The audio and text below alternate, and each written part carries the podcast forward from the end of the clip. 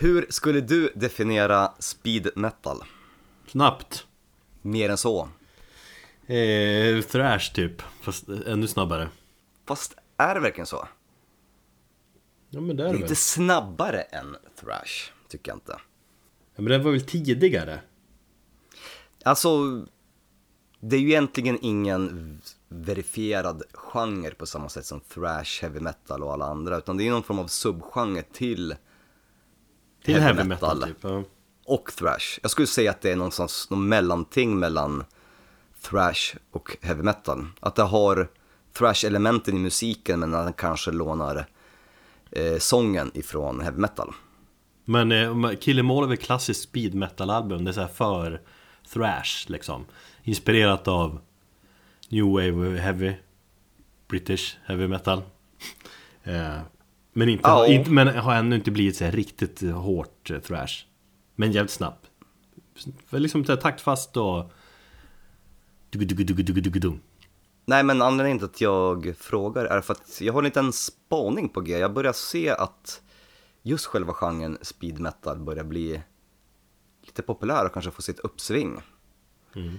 Jag tänker på norska Black Viper som släppte sin fullängdsdebut, har jag för mig här nu, i, oh det var första plattan här i höstas. Och sen så, även i USA, bland annat ett band som heter Haunt. Med sångaren och gitarristen Trevor, what's his name nu, från Beastmaker. Han har ju ett speed metal band som varit jävligt produktivt och släppt typ två EPs, en jävla massa singlar och sjukt mycket annat under förra året. Men alltså den är ju luddig, den är inte super väldefinierad. Nej, men det är det jag säger. Ja, jag, funderar ju själv. Men snabb, alltså ja, nära besläktad, jävligt nära besläktad med thrash. Kanske håller eh, våra lyssnare inte med oss, eller de har kanske en annan definition. Hör av er i så fall. Nu kör vi! Ja,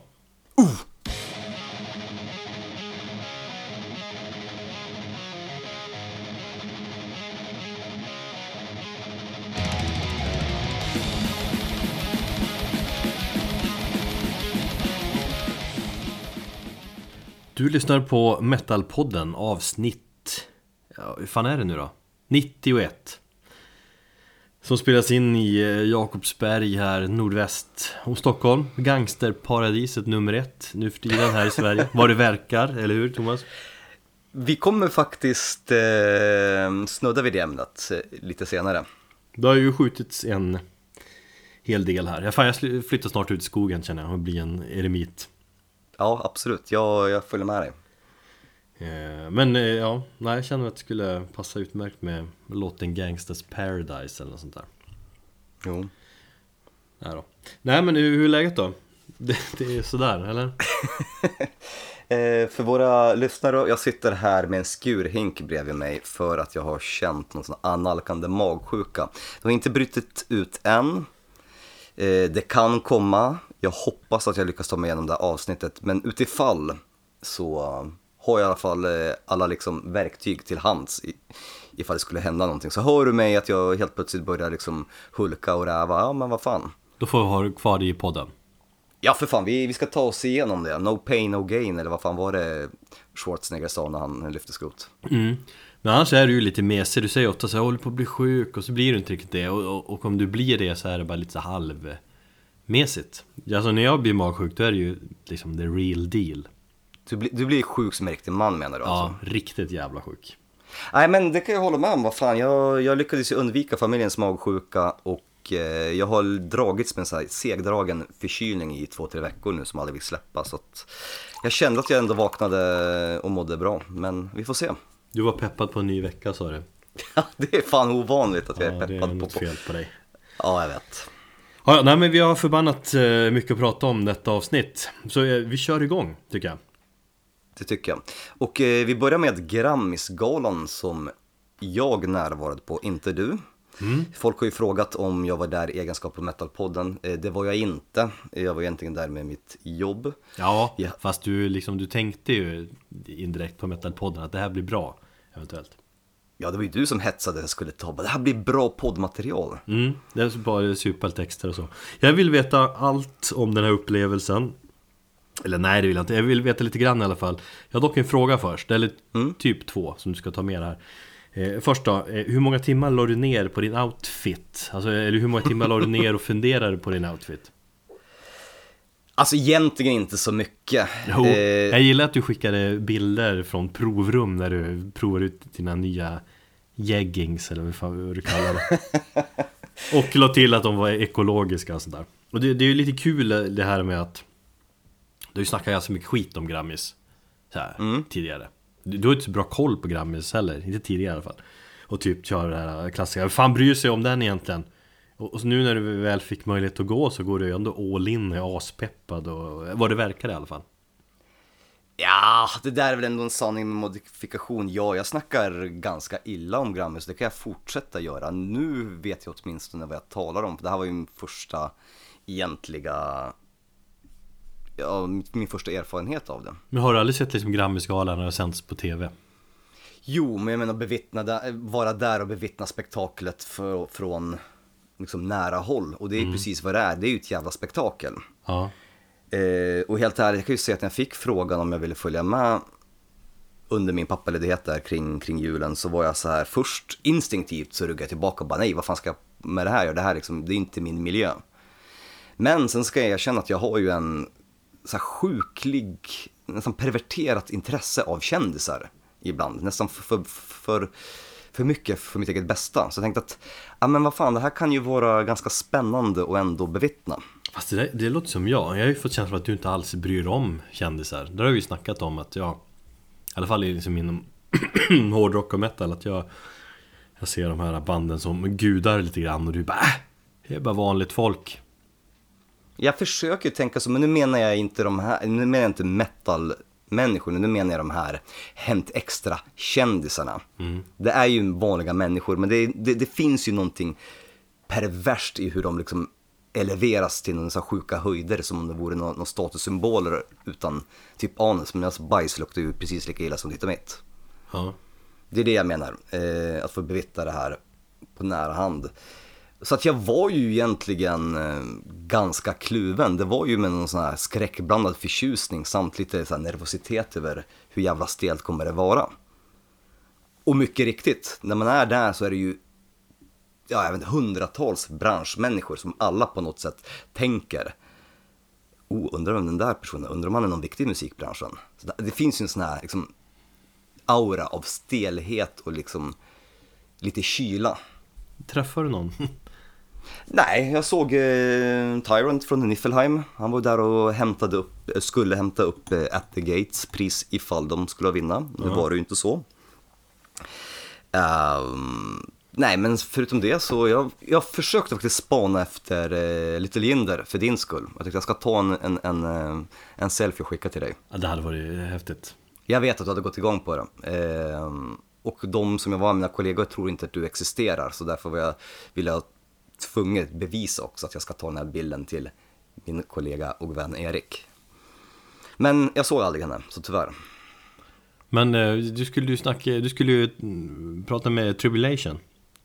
Ja, men jag letade efter, eh, efter dem också efter galan. Men där har vi också en grej att årets metal bara skyndades förbi. Galan var uppdelad i två akter. Där den första akten innan middagen eh, kändes som att man bara skyndade igenom det. Där, där krängde man in alla de här, lite vet, så man måste göra sig av med kategorier. Jag menar, första kategorin ut var ju årets jazz och sen var det årets metal.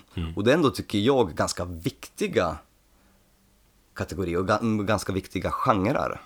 Men som egentligen för bara... dig, ja, nej men då, det jag vet, men det är ofint ju. Ja. Det är, det är inte så jävla kul. Det, det, det är bara för de mest, Men- mest kommersiella det är intressant, ett jippo och sådär. Och där är liksom hårdrockare, tycker inte det är så kul. Men jag pratar inte bara om hårdrock, jag pratar om jazz också. Jag tycker att jazz är väl ändå någon, om man nu ska prata i, i, i någon form av intellektuella termer, så ska jag väl ändå se som vara lite mer sofistikerad musik. Det känns också som att den bara liksom, det är inga, det är kanske inga genrer som är populära eller säljer så pass mycket eller är ens intressanta ur ett mainstream-perspektiv. Nej, precis. Så därför så, så skyndar man undan med dem, vilket jag tycker är lite synd, för jag menar, jazz är ändå en ganska så, så viktig, alltså globalt sett, eh, genre. Att hårdrocken inte tas på allvar, äh, den har väl kanske kommit in i det liksom, kulturella finrummet lite grann, men det är ju fortfarande som att man, man har släppt in hårdrocken i värmen, men man låter den fortfarande stå i, på, i hörnet och liksom värma sig självt. Men man pratar inte med hårdrocken. Nej. Men det är så, vi, ju- det, är, det är så vi vill ha det också egentligen. Ja, absolut. Jag är glad för det, att den inte liksom, att man tittar på den fortfarande lite konstigt, för det, det går jag igång på. Men samtidigt så blir jag ju också lite, kan jag bli liksom eh, sur och irriterad över att den inte tas på allvar ibland. Och det kanske har, hårdrocken kanske har sig själv att skylla för den, för att den alltid sätts vara förlöjligande eller inte seriös. Mm. Och det är väl någonting som fortfarande lever, lever kvar från, från hårdrockens guldålder Ja.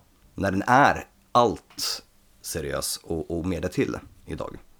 Men jag har i alla fall tre korta höjdpunkter som jag tänkte um, ta upp. Mm.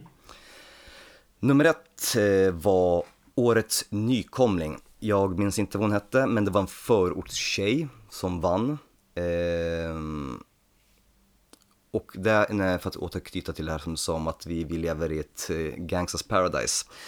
Eh, det har ju varit väldigt mycket våld, våldsbrott i, i Jakobsberg de senaste veckan. Väldigt mycket av det har ju hänt eh, på min gata under förra veckan. Jag vet inte hur många som är insatta i det här, men följer man lokalnyheten i alla fall så det har ju varit ganska stort, en riksangelägenhet också. Ja, ja. Ehm, Så har det ju varit tre skjutningar på fem dagar som polisen påstår att de inte ser något samband. Jag tycker att man behöver inte vara så jävla korkad. Det finns ju säkert något samband någonstans. Där den sista skjutningen re- resulterade i, ett, ett, eh, i, ett, ja, i en död, i en ung människas död. Han var 18 år gammal den killen som dog. Och det skedde i spåret där jag brukar löpa. Den andra skjutningen var ju inne i ICA-butiken. Så det, det har ju satt lite grann sakta spår men jag börjar ju dels tänka, alltså jag är inte orolig för min egen säkerhet eller att någon ska skjuta på mig, men vet att fastna mellan liksom någon, någon shootout när man är ute med sina kids och ska köpa mjölk eller någonting. Det är ju sånt som, som jag tänker på. Ja, ja fan. Jag eh, hade inte velat bo kvar liksom. Vad det fått mig att tänka till lite grann, så, här, vad, vad vill jag med, med, med mina kids och, och jag tycker att det känns otryggt för dem att och, och växa upp här. Nu är de så pass små så de springer inte omkring på kvällarna och sånt där.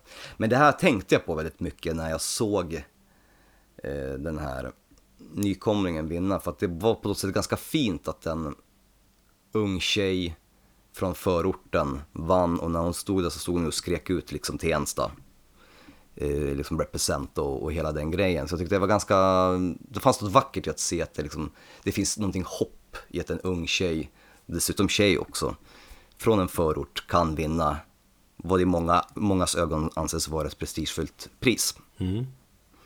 Eh, och det kanske kan ge hopp för alla de här ungdomarna som är fast i de här våldsbrotten. Jag menar, som sagt, den som killen som dog, han var ju 18 år gammal. Och då bara hoppas man liksom på att, ja men, det finns kanske en väg ur kriminaliteten. Så tänker jag som förälder. Trist att det är för mycket hiphop och för lite hårdrock i förorterna bara. Eh, nummer två, ah, det var när eh, årets barnalbum eh, vann pris och eh, 91-åriga Gullan fick ta emot det. Eh, det var bara något så otroligt fint att se en 91-årig kruttant liksom gå upp på scenen och hålla ett tal. Och man, när man började talet så bara förstod man. För innan så annonserade de att ert tal ska hållas kort och så, så kommer det komma liksom en, eh, en trudelutt och då kommer ni veta att nu måste vi korta av för sen så kommer det brytas. Och hon går upp där och hon börjar, ja och jag minns en gång och jag ska berätta hur gammal jag var och då bara förstod man att det här kommer ta en stund. Och så fick hon lite mer tid. Och så började hon dra sin livshistoria, till slut så bröt liksom husorkestern av henne och då började ju alla i publiken bua och liksom ville att hon skulle fortsätta. Det är fint. Ja, fint. Nummer tre, det var när Avicii fick hederspris. Det var mäktigt när hela, hela stället stod upp.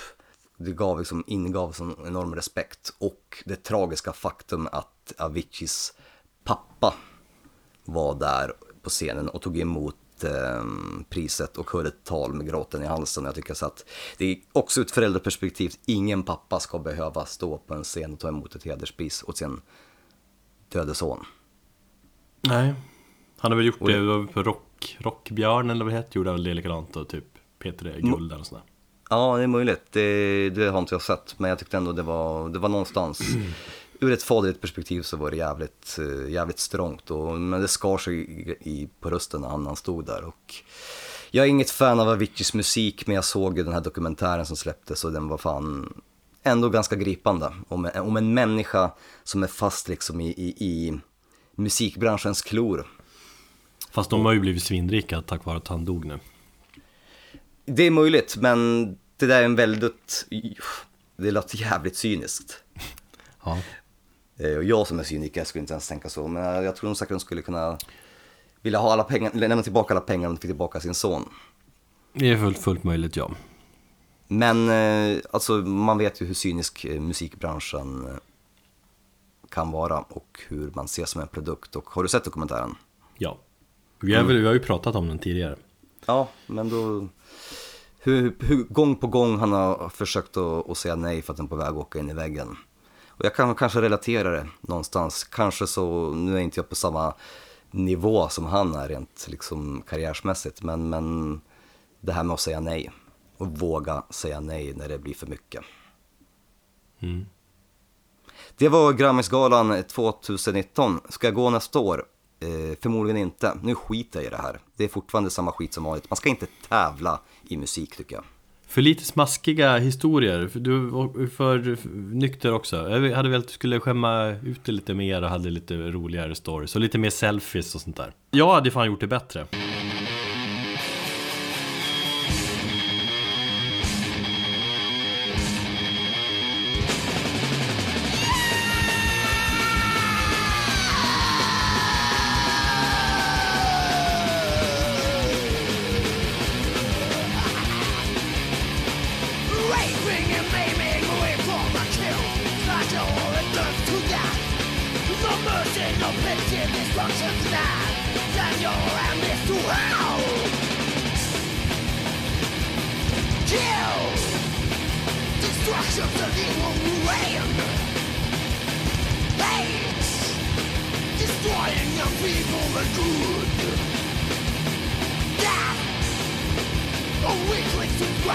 Grasp.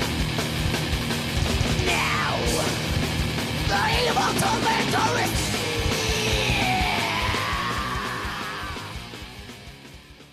Medan du var på Grammisgalan så var jag ju, lite samma dag, men lite senare så var jag och såg världens bästa Mastodon på Münchenbryggeriet. Det är lite tuffare än Grammis sådär. Tillsammans med förbanden Kvelertak och Mutoid Man. Och så köpte jag Mutoid Man merch som det var vettiga priser på. Mastodon-merchen var så jävligt dyr. Det kostade en t-shirt 400 spänn och sådär. Men jag tänkte köra en snabb genomgång på kvällen. Ty Mastodon är ju, tycker jag, 2000-talets bästa metalband. Muton Man inledde, de är ju ett förbannat coolt band, i alla fall på skiva och det har ju snackats om att de är ett bra liveband också Och eh, ja, det är de Eh, Men jag hade ändå hoppats lite mer av dem på något sätt Men de var väl först ut av alla banden, eller hur? Jo, och det brukade vara lite se- segt så här. Men jag hade hoppats Ja. på lite mer ös kanske Men det var charmigt, det var ösigt, underhållande och Basisten imponerade mest, han tog upp mest liksom, plats i, i ljudbilden Mm. Men jag kan tänka mig att liksom i längre set och sådär och senare på kvällen skulle det bli ännu roligare att se dem. Sen blev ju, var det ju Kvelertak. Eh, nu var det länge sedan jag såg dem. Eller ja, det var väl i och för sig när de var förband till Metallica. För det var de typ senast, för något år sedan. För då såg jag bara någon låt. Men eh, de har ju en ny sångare och det, det märktes för han ville verkligen visa att han var Nej, att han var värdig. Så han satsar allt. Han hoppar ut i publiken flera gånger och eh, tog röjd och sådär. Kul att se. Men var han värdig? Jag tänker mig att förra sången som jag inte minns namnet på, han hade ju ändå en, han var ju ändå en karaktär med sin liksom uggla på huvudet, bar överkropp. Jo. Lite- eh, En blandning mellan Hank von Helvete fast lite hårdare. De har ju lite olika stil sådär. Den här nya killen, han är... Ja, han kör, kör, kör skinnjacka och... Ja, man öste ju som fan liksom. Men det kanske är lite för mycket. På ett sätt. Att det känns lite... Förra sången, eh, vad fan heter han? Erland eller Erland. Just ja. Mm. Ja, det är svårt, klart det är svårt att ersätta honom med att han var sån, som, så här, tydlig karaktär. Men jag tycker fan han gjorde det bra. Och det, de har ju jävligt bra låtar och det har jag sett så att jag, jag har inte sett dem på länge så jag blev positivt överraskad över hur bra liveakt eh, fortfarande är, att de fortfarande levererar. Hur låter han då? Det låter väl ganska likt. Ja. Lite skrikigare kanske. Mm. Men jag tänker samtidigt att det ska bli intressant att se hur en kommande skiva låter. För jag tror att de... Det känns som att de får väldigt svårt att liksom komma i närheten av debuten igen. Jag tror att liksom Kvällertag någonstans dog ut innan sångaren lämnade. Jag vet inte vad som hände, det känns som att det bara fisslade ut där. Man var ju så jävla på uppgången efter debuten. Andra skivan ko- också, tredje skivan var ju lite, då försökte de utvecklas lite grann. Cool platta, men för mig gav, jag, ville, jag saknade mycket av energin från tidigare. Mm. Men eh, det ska bli spännande att se vad de gör eller vilken väg de går på en eventuell fjärde platta då. Men fortfarande jävligt bra liveband. Mm. Om man har glömt bort det, som jag hade glömt lite grann. Men det var ju Mastodon som jag var där för. På många sätt kändes ju den här spelningen jävligt lik den, den förra. Eh, Då de också spelade på Münchenbryggeriet och, och liksom, precis som nu hade de med sig Scott, precis som då, så här, hade de med sig Scott Kelly. Eh, Men jag tycker ändå att den här spelningen var bättre. Det kändes, kändes tyngre än senast. Och, Men samtidigt lite mer så utsvävande och lite mer spacigt på något sätt. Förra spelningen hade de ju, jag tror de körde fler nya låtar. Och mer så här, refrängstarka låtar, såna här allsångsvänliga grejer. Det tycker jag fungerar sådär live faktiskt. Det blir för, liksom, för glatt. Nu körde de mer gammalt. Mm. Eh, och framförallt inleder de så jävla stört. Det fick mig att hoppa in i moshpiten på, direkt på, från början liksom. Ville med Myron Task och sen direkt in på March of the Fire Ants. Det har de gjort tidigare också. Fast då brukar de köra det på slutet av showen. Eh, men nu efter March of the Fire Ants gick de direkt in på Mother Puncher också. Den trippen, den fan, ja då tappade jag det helt. Kastade Du tappade din skit. Ja, då tappade jag min skit. Så det var en mäktig öppning. Då tycker jag... Ja, flera låtar gav mig rysningar och sådär. Och sen sista tredjedelen av, av spelningen så kom ju Kelly in och eh, tog över. Jag är jävligt kluven till det. Jag tänkte liksom att det var en engångsföreteelse senast, men sen gör de, när de gör igen så här, så jag vet inte. Problemet är att han tar över liksom scenen så mycket. Men jag tänker på att han ställde in sin turné med Mirrors for Psychic Warfare på grund av sin psykiska ohälsa. Och det var ändå typ i december, eller ja, november, december, så känns det ändå som att, okej, han kanske har mindre speldatum, eller färre speldatum med Mastodon och kanske inte behöver... Det Jag tror, att, jag tror att det är fler nästan, för det är ganska många Ja, i och för sig, men jag tänkte att det kanske inte tar, liksom, han är är ju inte med under hela konserten egentligen. Nej, men jag har en tanke om att de kanske har plockat med honom igen liksom, för att hjälpa honom. Alltså... Jag vet inte, i och med att han mådde så dåligt och han behövde koncentrera sig på sig själv och sin familj och han är ju en trasig själ. Men med som kanske tar med honom för att liksom peppa honom eller något och hjälpa liksom, ekonomiskt kanske och liksom... Äh, Ja, jo. för det kanske känns inte optimalt och man mår piss och hänga med på en turné så. Men han, han kanske mår bra av det, jag vet inte. Ja, det, det kan ju stämma. Han får en del av kakan också. Men det är fascinerande över liksom hur, hur liksom hans scennärvaro tar över så att de andra liksom Eller Mastern själva bara ja, försvinner bort På något vis Han har, han har ju den, den scenpersonligheten, ja. Ja Han gör inte så mycket, det är bara att han har så jävla karisma så att eh, det är fascinerande att se eh, Och samtidigt lite så här, bara, ja men Tjänar Master dem på det här?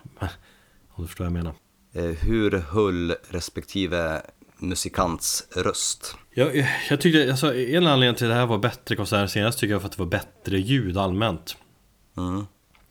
Eh, men däremot har de ju sången ganska lågt i micken sådär. Jag kan tänka mig att om man lyssnar på YouTube-klipp efteråt och sånt där så kanske inte låter så bra. Brent låter ju allmänt jävla trasig och konstig. Fast det blir coolt också. Nej men jag tycker att de gjorde det bra. Framförallt den som imponerar mest, så tror jag jag skrev det på Instagram också, det är ju Bill Kelliher som Just ja. Alltså fan vilken man han är. Alltså när, när han väl liksom tar i, det är inte så... Det är väldigt få gånger han, han, han sjunger. Eller vrålar. Men då gör han det ju bäst av alla på något vis. Men han, ja det, det står mig att han inte har fått liksom, sitt utrymme på skivan. här. Kanske för att han inte han vill det, men jag skulle vilja fortfarande ha ett Mastodon-album där alla sjunger.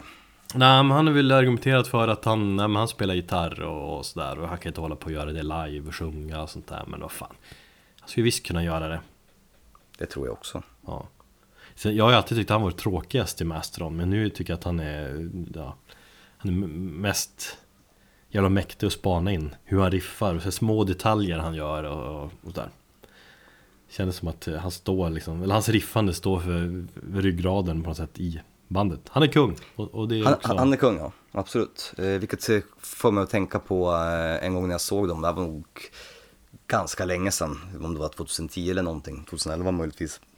Jag skulle intervjua dem och eh, jag snusade på den tiden och han går fram och så ser han att jag har en fet pryl under läppen. Så här backstage. Så bara, bara, is that snus you have under your lip?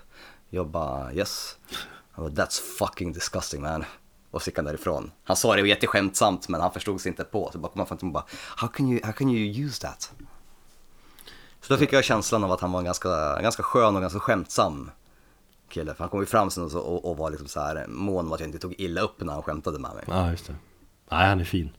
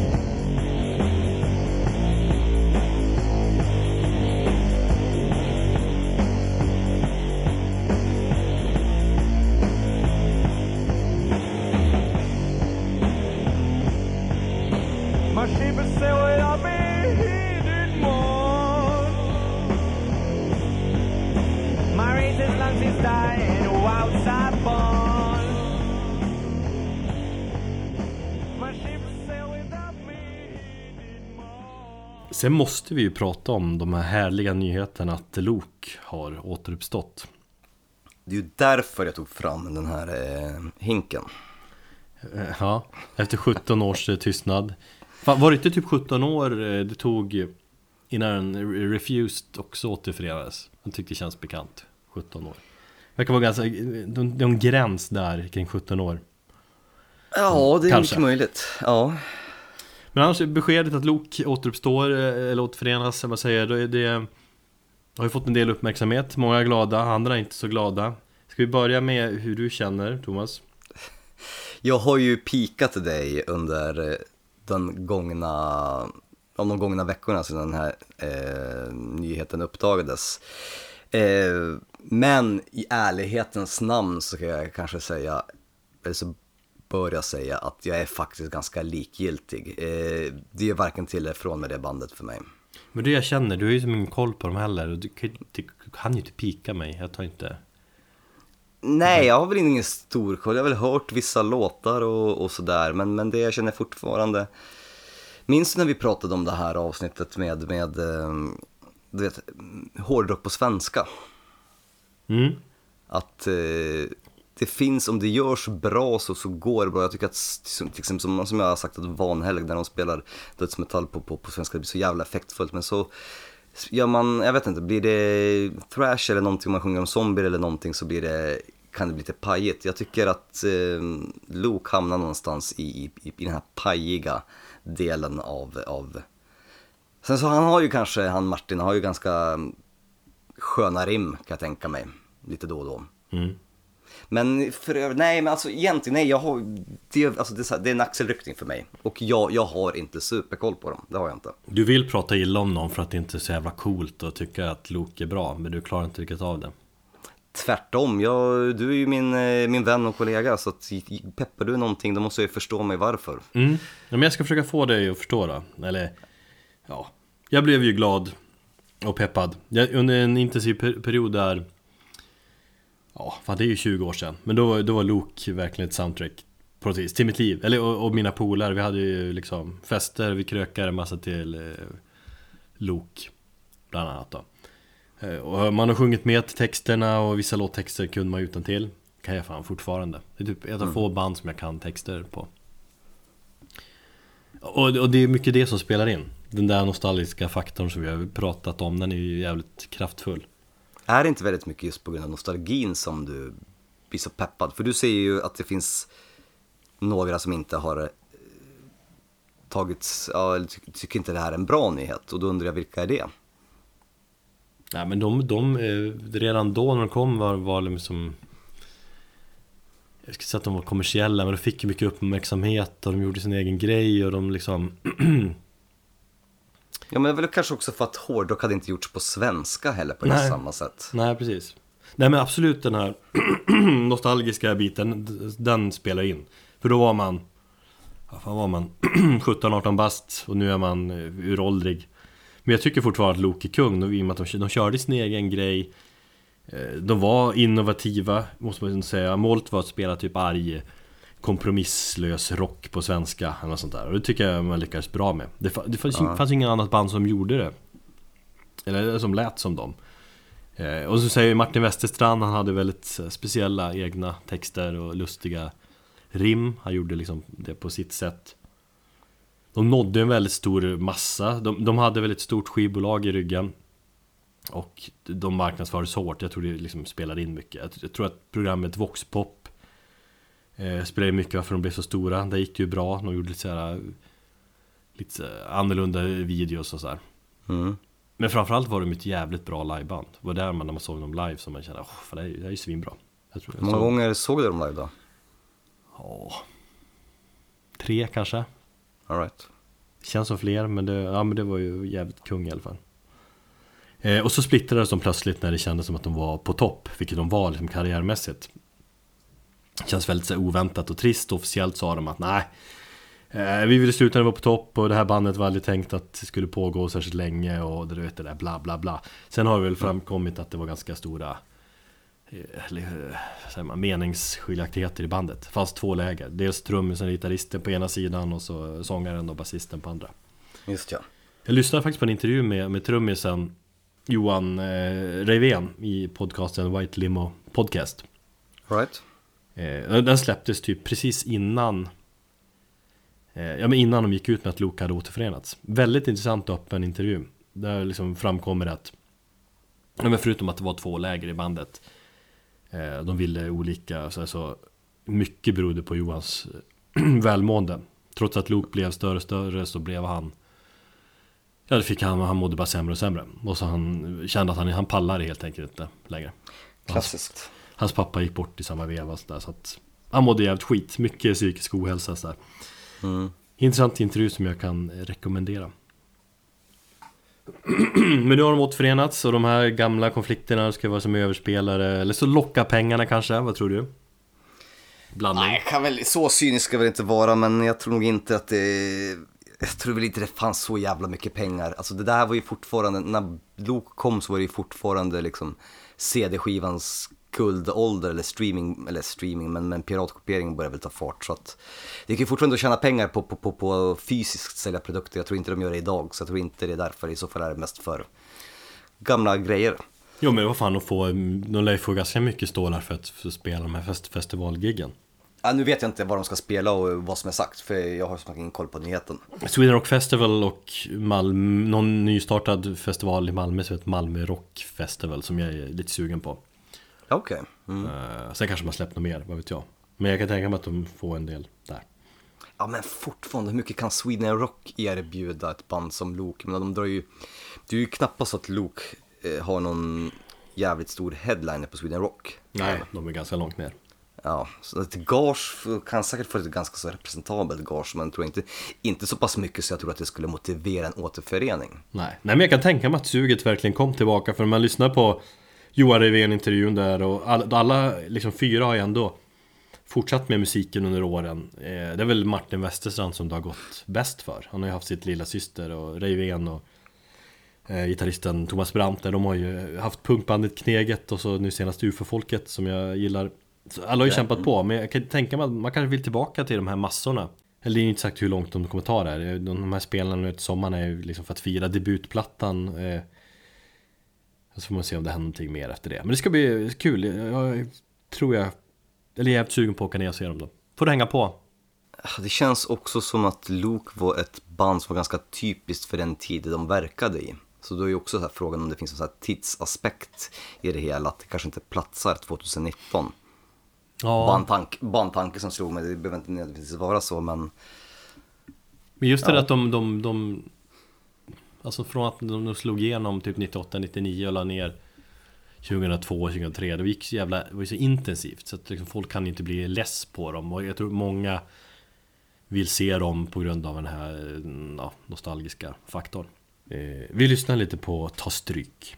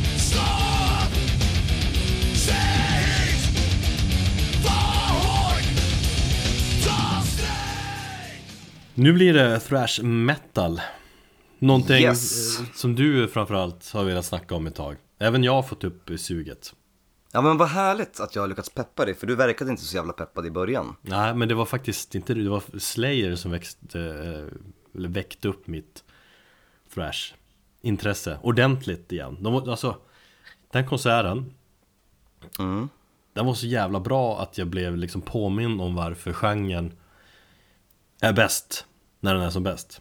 Så jag, jag, jag vet inte, jag har lyssnat på ganska mycket thrash sen dess och har fått en liten nytändning.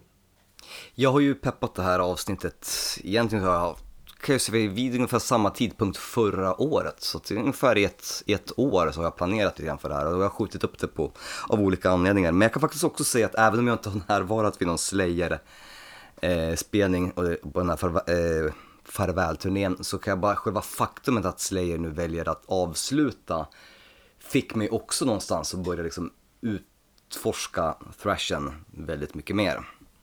Jag har så jävla förväntningar på vad du ska säga om du har laddat i ett år. Nej, riktigt så är inte. Jag har faktiskt skalat ner väldigt mycket för jag kände att det skulle bli alldeles för mycket. Men mina ambitioner som de alltid är i början är ganska så enorma och sen så får jag bara lugna ner det liksom.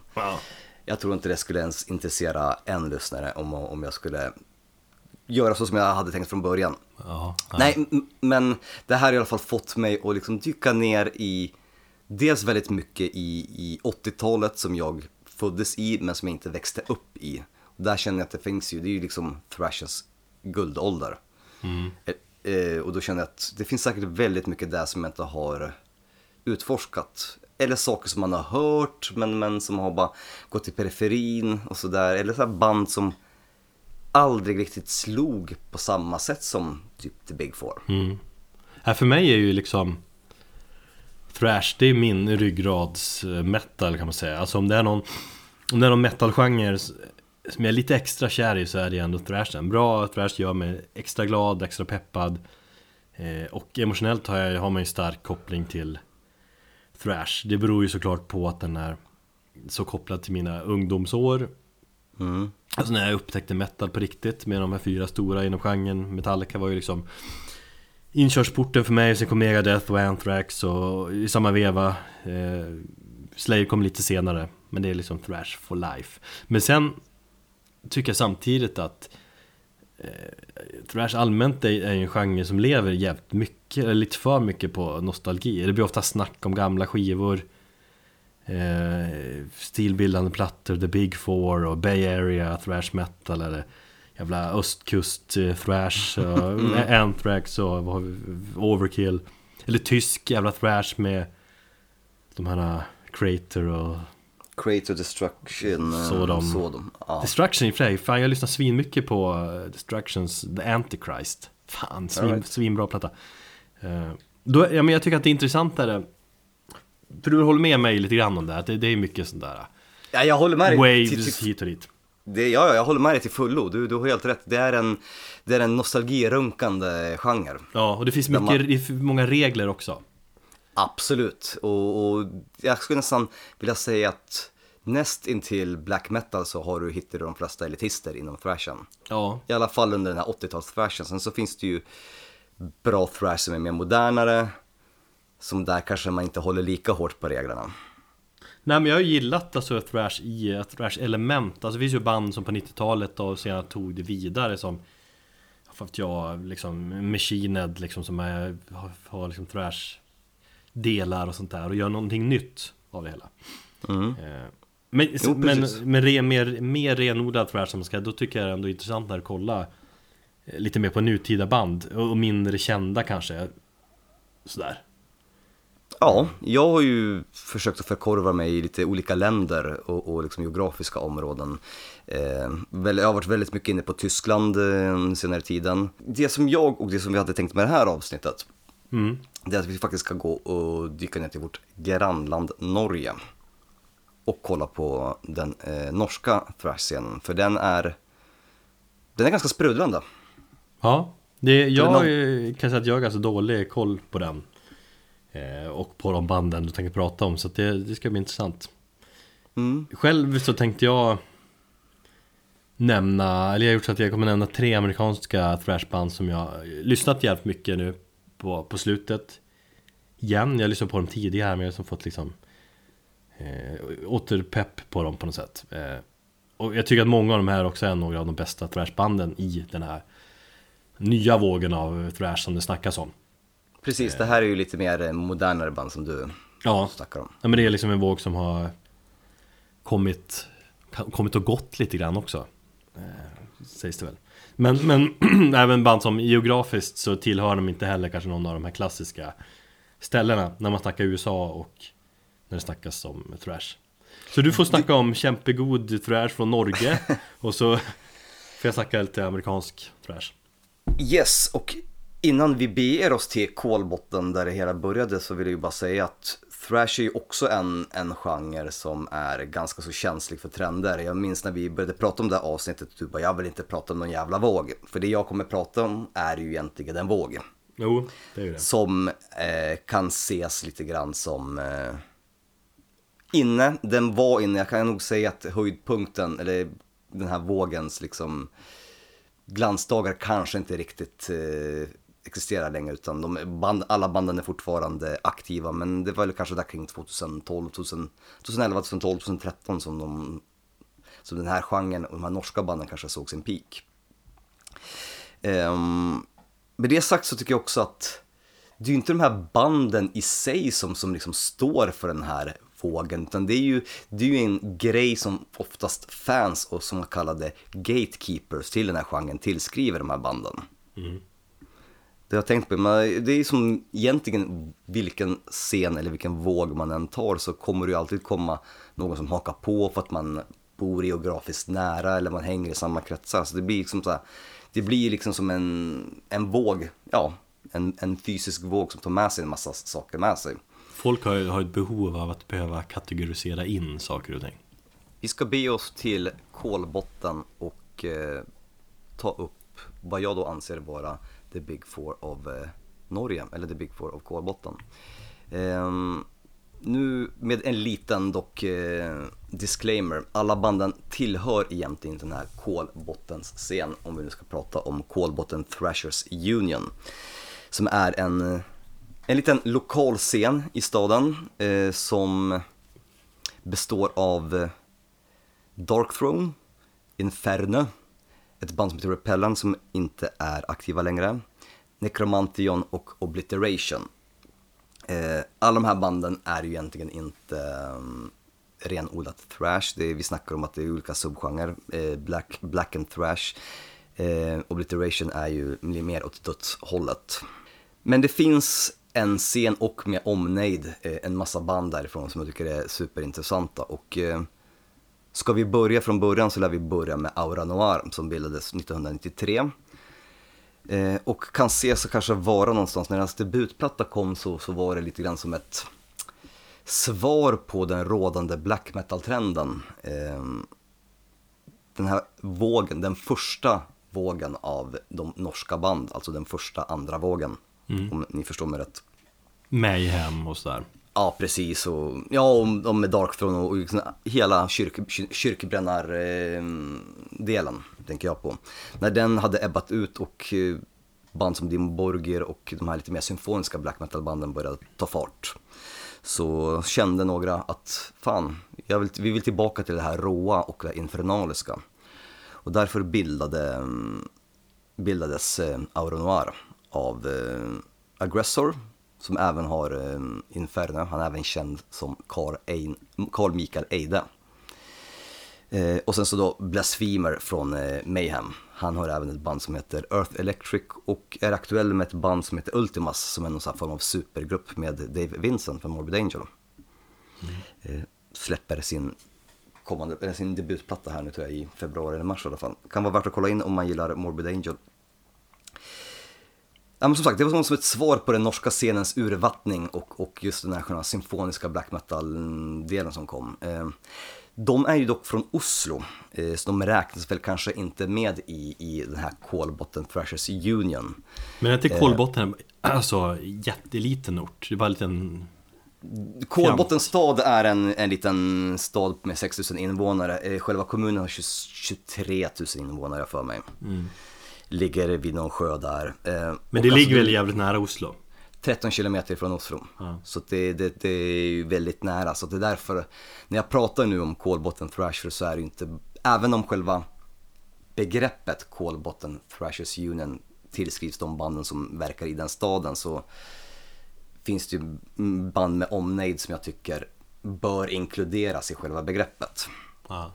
Kolbotten Thrashers Union är egentligen en kul grej som Fenris, eller om det var Necrodevil, lite oklart vem som, som, som bildade. Eh, alltså bara kom på det begreppet, liksom, som, som en samlingsnamn för de banden som verkade i staden. Men det var inte förrän egentligen Necromantheon gjorde det officiellt genom att ta eh, stadens eh, idrottslogga och manipulera den och göra om den till sin egen, liksom, Kolbotten Thrashers Union så, så blev det liksom ett, sig, ett signa som de hade på, ja de trycker det på, på, på merch och de har det på sina vinyler och sådär. Eh, men Auro Noir är i alla fall från Oslo och även om vi inte hör hemma i den här så tycker jag att det någonstans började med, med dem. Och utan det så hade vi kanske inte sett den här själva vågen av eh, ja, norsk black and thrash. Och bandet spelade ju, det var ju ganska mycket black metal tycker jag i början. Men jag tycker att de under årens lopp så har de förfinat sig lite grann och eh, släppte faktiskt en jävligt grym platta i, i förra årets självbetitlade album. Eh, som låter exceptionellt lo-fi, vilket jag diggar som fan. Det, är, det finns något speciellt med den produktionen på den plattan. Just den skivan lyssnade jag... Jag vet inte om jag fan ens har lyssnat på det överhuvudtaget. Ja, den var, jag som, den föll ur och så kom den tillbaka under årets gång. Jag hade den nästan en, en, en gång med som kandidat till årsbästa lista men den föll där på målsnöret. Men jag, nu har jag gått tillbaka och lyssnat på den så här lite mer, mm, liksom ha eh, ett annat perspektiv så jag märker att den är fan jävligt ball. Den, är, den har väldigt mycket så här progressiva element i sig också. Att det, är, det är lite mäckigt och det är lite, det är lite invecklat. Och jag diggar det. Annars är det Aure Noir, det är ju det band som jag har bäst koll på, på de här som jag faktiskt har hört en hel del tidigare. Precis. Nej, men de har ju verkat bra länge. Ja, de har fan varit med länge. Eh, vi lyssnar på eh, en låt faktiskt från förra fjolårets eh, album. Eh, låten heter Shades Ablaze.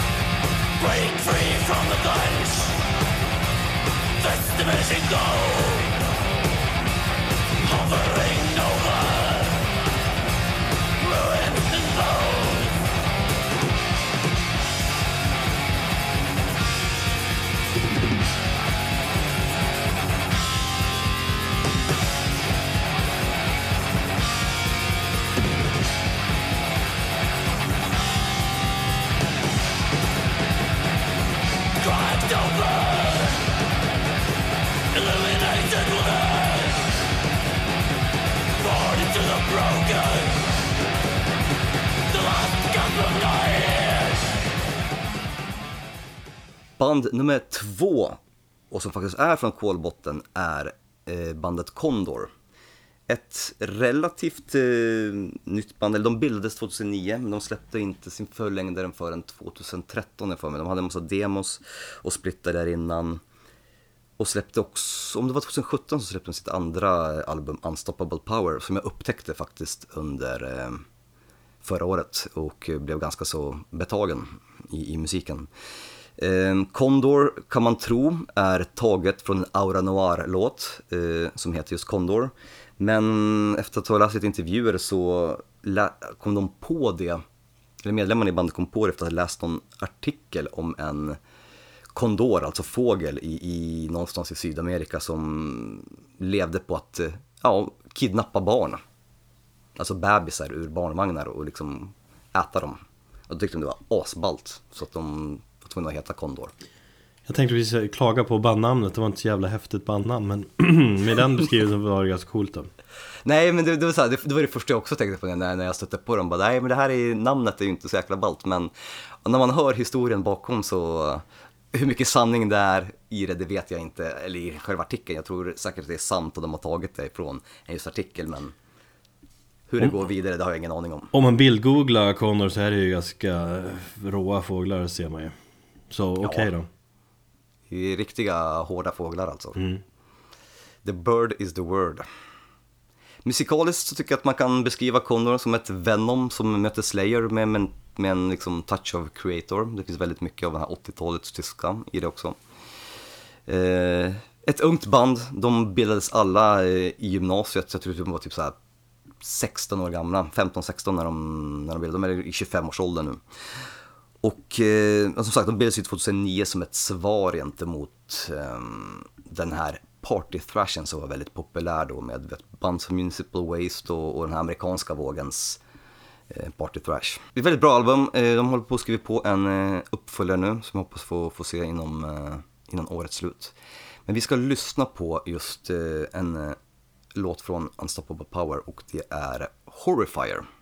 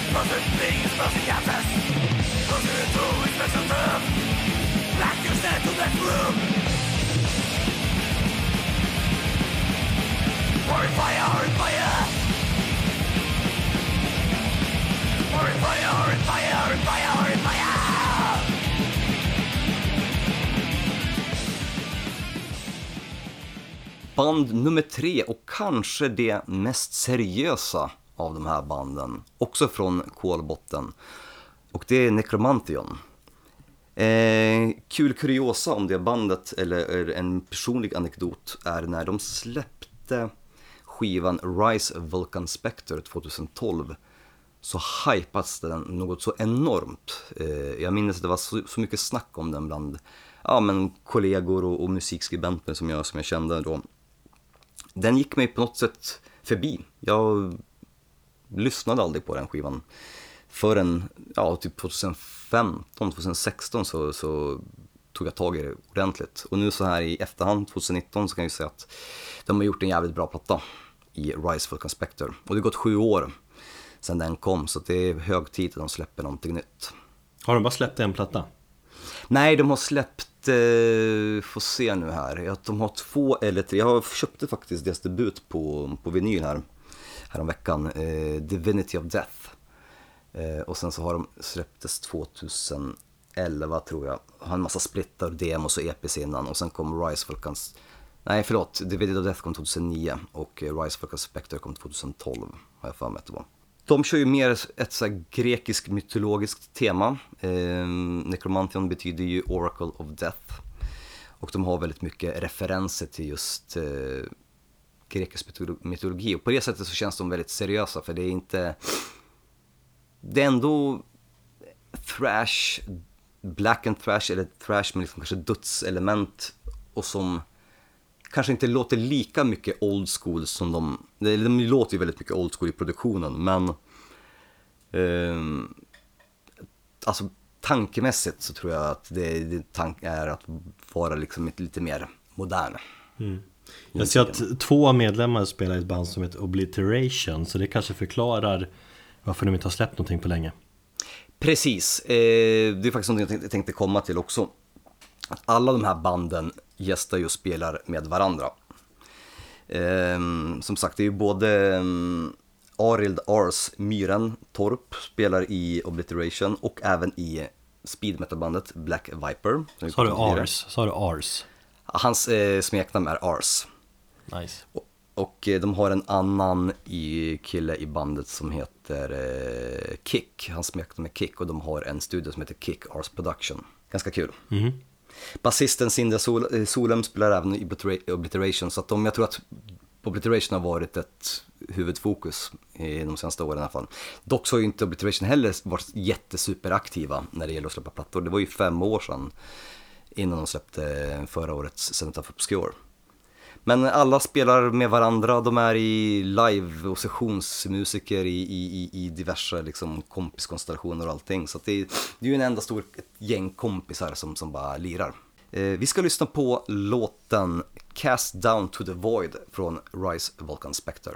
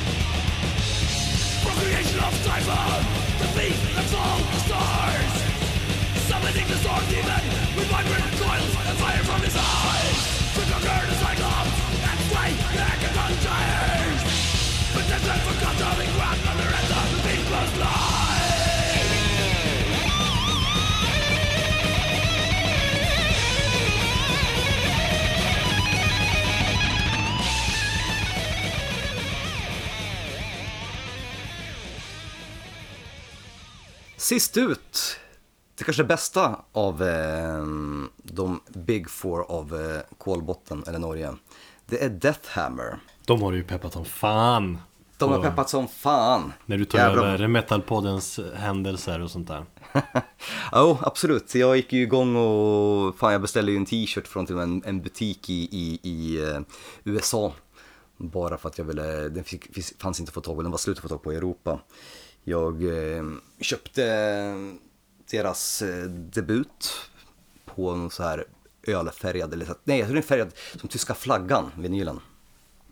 De har snygg logga framförallt. Eller det är väl inget speciellt men det är T är ett upp och nedvänt kors då. Eh, Men det är det är en logga som jag ser framför mig i alla fall. Ja, absolut. Men det är superfula omslag och det är, allting är ju ful och allting är ju lite buskis. Och det jag gillar med... Fulsnyggt. Fulsnyggt, precis. Ehm, det jag gillar med Death Hammer, och jag kan också nämna att det här är inget band som är från Kolbotten, de kommer från Hammar, Grimstad. Men jag tycker att de borde ändå omnämnas i den här för att, ja det är mina, mina personliga favoriter. Eh, bildades 2005 eh, som ett svar där de tyckte att Satan är för tråkig i dagens musik. De vill tillbaka till 80-talet där Satan var kul. Eh, där det gjordes med, saker gjordes med, med lite mer glimten i ögat, lite mer Bathory, lite mer men sarkofago. Det var, det var inte så jävla dödsallvarligt med, med den här formen av satanismen som de norska black metal-banden gjorde i början av 90-talet. Eh, så de har ju en förkärlek till hela den här eran med, med, med Creator och, och, och Slayer. När den fortfarande var, var väldigt rolig. Och det är, som, det är lite buskis men det är samtidigt så otroligt snyggt tycker jag i all sin buskishet. Vi har ju pratat här framöver om att göra ett avsnitt, eller ganska så snart göra ett avsnitt om, om, om humor i musik. Eh, och bara för att göra en liten liksom, eh, aptitretare så har jag lite svårt med humor i musik, men jag tycker att i vissa fall så, så, så funkar det ganska bra. Eh, som i det här fallet med, med, med Death Hammer. Att det är någon som har gjort mig lite med, med glimten i ögat. Och där var ju också eh, Sadomancer i, i bandet spelar trummor i Black Viper, så där har du ytterligare en, en koppling till, till ja, de övriga banden. Alla ligger med alla där i, i Norge kan man säga. Ja, och tycker att det är bara härligt att spela västbeprydd thrash metal. Oavsett om den är populär eller inte. Eh, Death Hammer släppte ju eh, sin fjärde platta Chained to Hell eh, i september har jag för mig. Jag fastnade inte riktigt för den. Det var också så här kandidat till årsbästa listan. Men, men jag kände inte, jag tyckte att fjärde plattan, ja det låter liksom, det är ingenting nytt liksom. Då, då, då föredrar jag att lyssna på någon av de, de tre första. Men nu så här, nu när jag har peppat inför det här avsnittet så har jag ändå insett att den är fan, den är ganska bra. Lite snyggare produktion kanske. De kanske har vågat göra det, men samtidigt så känns det som att de vill ju inte snygga till det för mycket.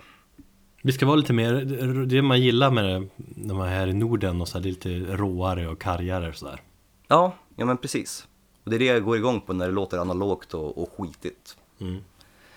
Så eh, Death Hammer får avsluta min lista och eh, vi lyssnar på Death Thrashing Sacrifice från Onward to the Pits.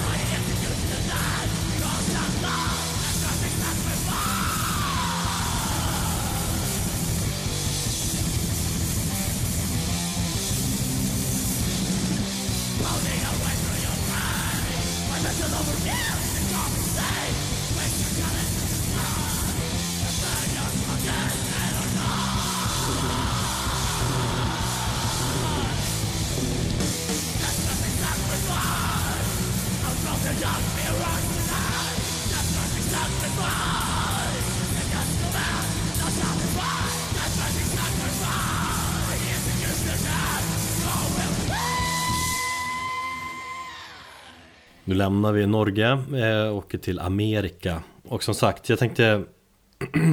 eller ja, det är väl typ eh, mina tre amerikanska favorit thrashband just nu eller sånt där. Topp tre tänkte jag också.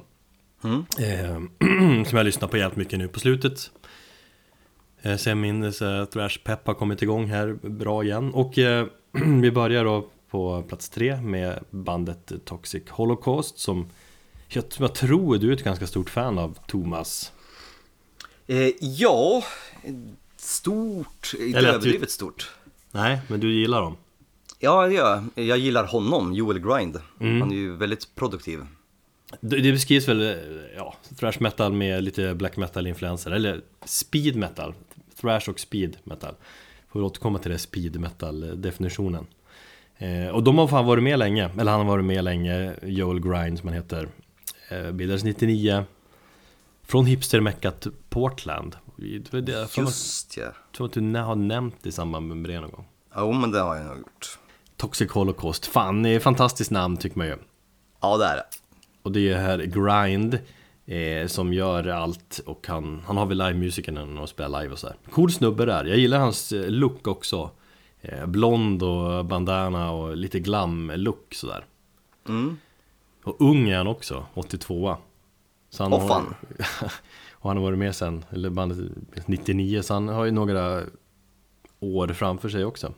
Men han känns ju som en sån här kille som verkligen har gjort allting ja, men DIY sen liksom, han var 15 år gammal. Ja, verkligen. Han har Han gör ju allting, han spelar ju alla instrument själv och, och bara, han är ju producent också. Eh, jag, insåg att, och grejer. Ja. ja, jag insåg ju att han har ju producerat ganska så här high profile artister. Jag vet att han har mixat eller masterat Power Trips senaste platta. Mm. Han gör Eh, mycket, det är därför det, Toxic Holocaust tror jag i alla fall är lite, att det är ett tag sedan Ganska många år sedan det släpptes en skiva sådär Just det. eh, För han har fullt upp med mycket annat Mm. Duktig kille eh, Men det han gör med Toxic Holocaust det är inte så märkvärdigt egentligen Alltså det är Snabba låtar, typ 2-3 minuter långa Det är ganska punkig thrash, väldigt kompromisslöst Jag tycker att jag tycker ganska mycket bandet Seek i, i eh, Toxic Holocaust har jag också kommit fram till All right. Eh, vilket jag gillar. Eh, och jag liksom, när det, under år, när det kommit en ny platta brukar jag liksom tidigare lyssna igenom det och säga ja, det här är ju ösigt. Men det är egentligen inte så mycket som fastnar. Men, det, det, men samtidigt är det snabb, härlig thrash eh, käftsmäll där. Och sen är det över, smack. Alltså to- Toxic Holocaust eh, är ju perfekt att sätta på när du är på en Grammisgala och känner att du känner dig lite malplacerad och behöver någon form av hållare i handen. Fast du gillar ju det där, den där barnkategori och du tänkte jag på jazzkategorin som du var synd om och Jag lyssnade ju, var tvungen att lyssna på min Amanda Ginsburg, hon som var årets jazzvinnare. Ja. På ingenting. Nej men eh, apropå eh, Toxic Holocaust, jo men det, det är också så här, det, det är ju liksom samma samma på, på skivorna ungefär. Ja, det är exakt. Man vet vad man får. Det är lite ACDC inom thrash typ, om man, om man ska säga så. Ja absolut. Men, men det, är, det är jävligt skönt när det är så också. Det är musik som har passat mig perfekt senaste tiden. Snabb, punkig, uppkäftig thrash sådär. Men som sagt, senaste plattan kom 2013 och det är väl för att han har haft annat för sig. Nej men det, det, det är ett, eh, alltså som sagt, Toxic Holocaust fyller en funktion för mig. All den här thrashen, det som jag, när vi ändå pratade om thrash allmänt så känner jag att det här, det du menar med att det, peppar i gången. Mm. Det, jag kan verkligen hålla för jag har använt väldigt, jag har nästan bara uteslutande lyssnat på thrash när jag varit ute och sprungit. Och det är så jag också har liksom passat på att att dyka ner i de här olika banden. Och då har Toxic Holocaust faktiskt varit med på min spellista frekvent. Det kan jag tänka mig bra träningsmusik sådär. Nej men om man bara vill ha snabb, jävlig, härlig thrash kan man lyssna på Toxic Holocaust. Så vi lyssnar på Salvation is waiting från, från senaste plattan där.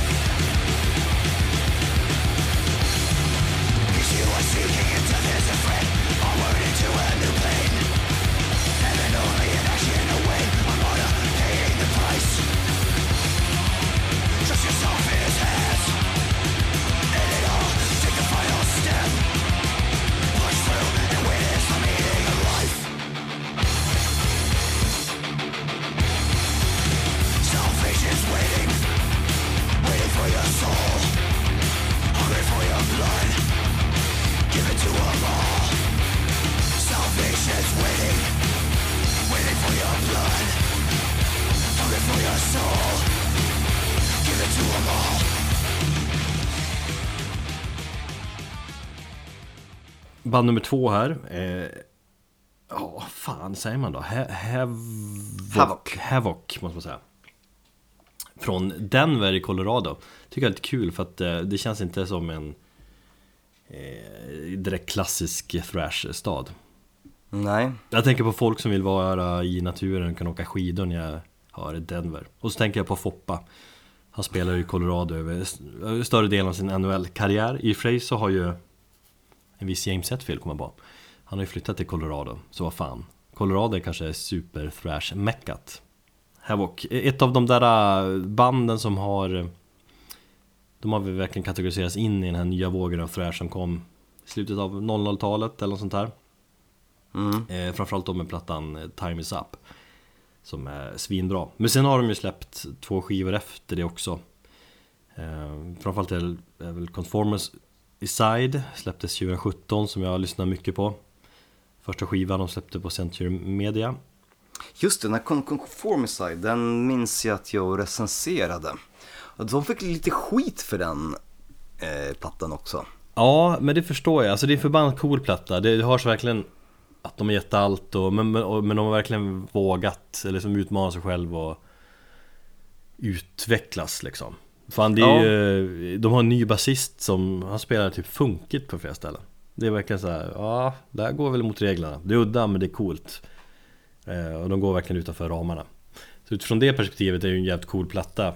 Men jag förstår de som vill ha liksom mer i och med att de var, eh, tillhör den här nya vågen av thrash och ja, på något vis hoppar ur Mm. den vågen.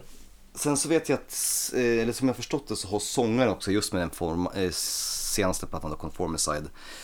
Alltså han fick lite skit för de gav texterna att de, eh, ja, i, i dagens PK-samhälle så, så menade han på att eh, vi måste sluta att vara så konformistiska av oss och det, det var eh, att texterna på den skivan var väldigt mycket eh, en, en diss gentemot PK-människor och, och eh, den här ja, men konformismen, att vi liksom bara följer den här senaste trenden och det som är inne. Att politisk korrekthet är egentligen ingen riktig social medvetenhet utan att det handlar om att det är, ja, det är bara en, en trend som vi följer. Och det fick de väldigt mycket skit för, för, för uppenbarligen så är det ju så att du kan ju inte säga speciellt mycket nu utan att få skit från något håll idag. Fan, Samtidigt man spelar thrashband som ändå är en form av extrem metal-genre så borde, som, borde man få säga mer. Ja, jag tycker det. annat. Men idag får man inte göra det. Men en annan sak som slog mig också när jag lyssnade, för jag lyssnade igenom den här plattan eh, Time Is Up igår, när Mm. jag städade den. Ehm, och är det inte så att det här bandet är lite mer pro-USA än andra thrashband? Ja, alltså jag, ja, jag, jag, jo, alltså jag har den känslan också utan att ha liksom analyserat texterna egentligen men och det, bas, det mer- baserar jag på att det, jag tycker det är väldigt megadeth snirkligt och sådär på många ställen Mm. Och Megadeth känns jätte pro-USA på något vis Nej men just alltså thrash för mig får jättegärna vara politisk eh, och samhällskritisk och mycket av den thrashen som, som kom under 80-talet var ju också textmässigt en, en reaktion på, på ja, men Reagan, Thatcher, kalla kriget, hela den här politiska mörkret som fanns väldigt, liksom kärnvapenhot som låg över oss. Och mycket, det är därför mycket av thrash metal hade så stor framgång tycker jag också och, ja, och hardcore för den delen också. Eh, Ja men i grund och botten är det motreaktion mot all annan populär hårdrock som fanns på 80-talet Där det bara Precis. sjöng om ytliga saker liksom om, man om man sparkade uppåt. Eh, när jag lyssnade på någon låt så var det, kändes det lite mer som att Havoc sparkade neråt. Vi är USA, vi har feta missiler, kom inte och bråka med oss för då skickar vi dem från andra sidan Atlanten typ. mm. Utan att ha gjort någon djupare analys än så, det var bara en tanke som slog mig. Och med det här att de fick lite skit för att de, ja men han skulle, känns också som att han, han skrev texterna, sångaren, för att vara lite mer, kanske jävlas med folk och provocera. Ja men det kan jag gilla i sådana fall Om det- Absolut. Eh, jo men de har fått lite skit, att de är lite politiska sådär uh, Hetsar lite grann och så Mm. Men det är, ja det är men framförallt musikaliskt jag går igång på dem jävligt mycket Fan, jag, tänker, jag tänker nu när du babblar här om just thrash och det jag säger att det är extrem metal. Det är ju egentligen den första riktiga extrem metal-genren ju. Jo. Thrash. Och det är därför jag typ gillar det mest också. För allt annat är ju liksom en, en reaktion på thrash liksom. Då kom dödsmetal och black metal och allt det. Men i grunden är allt liksom thrash Ja, ja, men-. De var, det, ja, men det är originalgenren. Ja, dödsmetall kommer ju thrashen. Jag menar, det, det, man, man tvistar ju fortfarande huruvida den första dödsmetallbandet var Death eller om det var Possessed. Därför är ju, det är ändå jävligt mycket thrash i Death när man lyssnar liksom Precis, men Possessed Seven Churches kom ju innan och eh, tycker jag i och för sig är ännu mer thrash än vad eh, Death var. Death har ju åtminstone den här growlet som kännetecknar framtida dödsen. Mm. Men det är en annan diskussion, det där kan man ju, har man debatterat i, i 30 år och lär man ju göra i 30 år till. Jo, men, men sagt, det är därför jag gillar thrash mycket för att det är liksom originalgenren inom extrem metal på något sätt Jo, jo jag håller med dig. Originalet är ju bäst, eller hur var det nu? Inte alltid, men, men nej. ofta. Det ryktas också att eh, Havoc ska släppa en ny skiva eh, mot sommaren 2019 här Så det är i allra högsta grad ett levande band Även om de har bytt en jävla massa medlemmar under åren så jag. Det har till och med dött en medlem, en Oj, ja. lead guitarist där. Eh, Så det har väl varit kämpigt men eh, Ja, jag har hela tiden kommit tillbaka till plattan Time Is Up i alla fall För jag går igång på den så jävla mycket. Den har fantastisk thrash eh, och speed metal Och det är aggressivt och det är sagt det är megadeth i mycket riff och känsla. Så jag tycker vi lyssnar på låten Fatal Intervention. Jävligt cool takt här också från början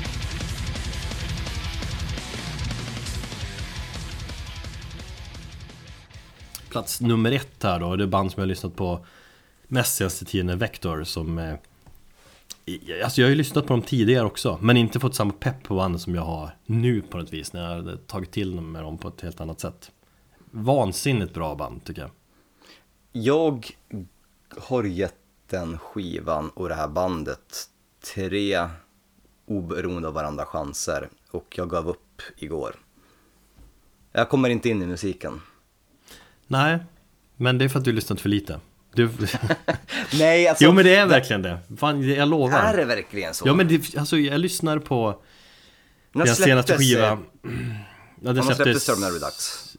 2017 Eller nej, 2016 Ja, Jag lyssnade på den då och tänkte, för jag- då läste man mycket om den också.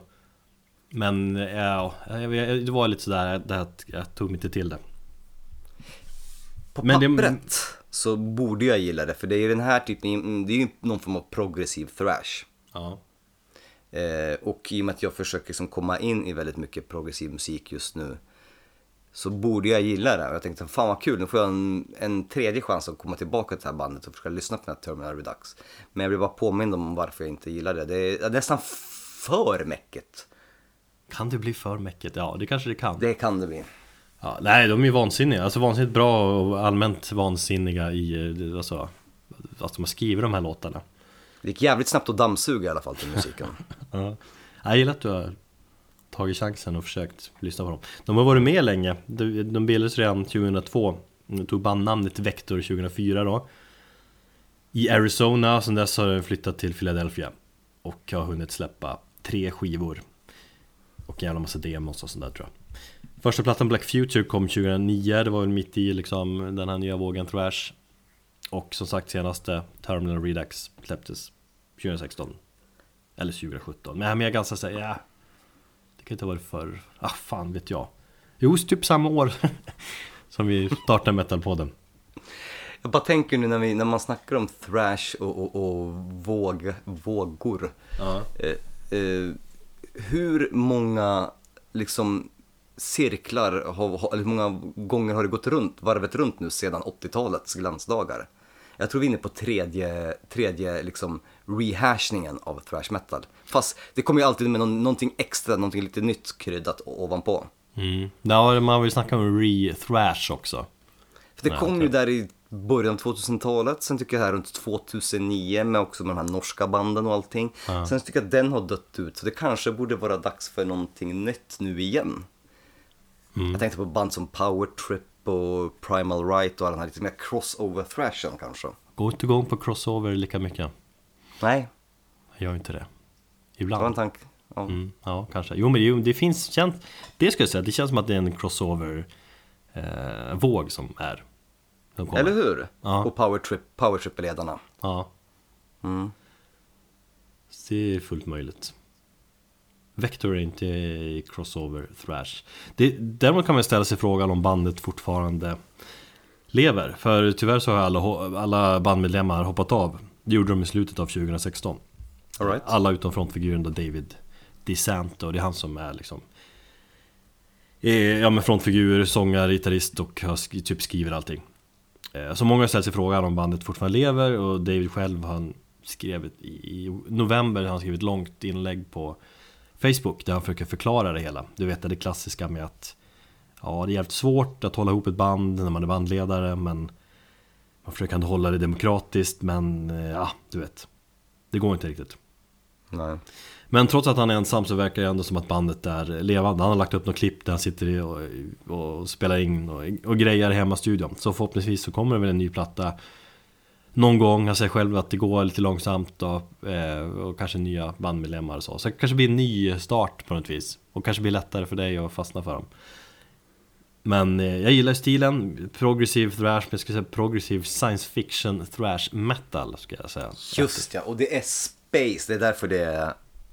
Det är därför jag går igång på det. Ja. Nej, Ja. men det är en cool beskrivning och jag tycker det stämmer jävligt bra också. Bara säga att det är progressive thrash. Ja, men om man säger progressiv rymd eller progressiv science fiction thrash då Då blir de intressantare. Och de har väl blivit jämförda med Voivod som är liksom Har väl samma liksom stämpel på genre på något sätt. Just ja, ja. Liknande logga också har de. Eh, så. Men jag tycker ändå Vector har sin egen grej, även om det finns Det finns ju likheter. Jo. Jag tycker dock att eh, Vector är både snabbare och, och extremare än Voivod. Ja, Eller? Jo. Ja Men ja, ja Ja. Voivod är ju äldre på något vis Ja. Lite gubbigare kanske Men ändå bra Men Terminal Redux, den Jag har fastnat för skivan totalt, den tar mig fan ett mästerverk jag, tänk, jag brukar tänka, så leka med tanken att Hade den här skivan kommit Typ 80-talet eller sånt där, hur hade det sett ut då? Men, men då, det, här- det hade jag räknat sett av liksom världens mest modernaste liksom Eller största metal mästerverken tror jag Ja.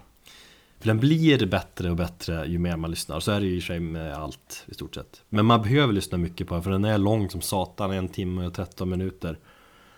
Så det kräver sina genomlyssningar. Eh, testa sig fram och tillbaka till jobbet och så. Alltså jag, när jag, satte på den som sagt när jag började dammsuga igår och när jag var klar med dammsugningen tänkte jag, "Ja, men nu här, har jag lyssnat klart på skivan och tittat på, för fan jag har bara kommit tre låtar in och då kände jag så här, fan, nej jag orkar inte längre. Det var väldigt påfrestande. Men fan, dammsugare, du ska ju dig och hörlurar och sådär. Ut och gå, ut och spring, ut och pendla eller någonting. Får ta den när jag är ute och löper sen. Ja. Jag kan även säga genomlyssningar, men det, det, jag tyckte ändå att det går rätt bra ändå att lyssna, för den fascinerar liksom konstant. Dels i de sjukt bra riffen och låtarna, men även i storyn som Den här plattan hade ju verkligen platsat i vårt konceptalbumavsnitt. Okej. Det är svincool eh, science fiction, eh, man säger, space opera. Eller vad definitionen är. Jag läste en lång text om storyn. Tänkte det är ju stört. Men, men kortfattat handlar det om en eh, astronaut typ som ute i rymden hittar hemligheten hur man kontrollerar liv och död. Okej. Och han blir supermäktig förstås och han kan leva för evigt och han kan kontrollera när folk dör och, och lever Men eh, tiden går och eh, han blir bara mer och mer galen för trots att han liksom kontrollerar liv och död så hittar han ingen mening med livet ändå. Hmm. Du vet, och hamnar mer och mer i mörkret.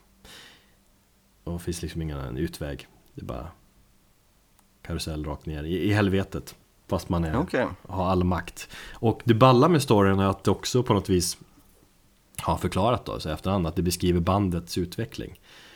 Eh, någonting han har tänkt ut år innan så innan bandet splittrades också Så har han känt att det är hit det är på väg. Så att det är någon sån här metafor för Liksom Bandet. Och, eh, Mm. och så. Du vet, de har makt. All, Allt går åt helvete ändå, eh, helvete ändå. Nej, jag vet inte. Jag hade faktiskt ingen aning om att det var en, ett koncept. Och jag går ju också igång på koncept som kanske med det i eh, åtanke när man lyssnar på skivan eller läser på om storyn så kanske det blir intressantare. Ja Exakt, och så att det är liksom kopplat till verkligheten på något sätt då Även om det var mm. halvluddigt så, så det är coolt eh, Och det är ganska mastodonskt tycker jag också i konceptet att det är ganska De har ju ofta metaforer, någon, någon, någon jävligt spacad story på skiva och så handlar det om någonting annat Eller något Mm. jordnära sådär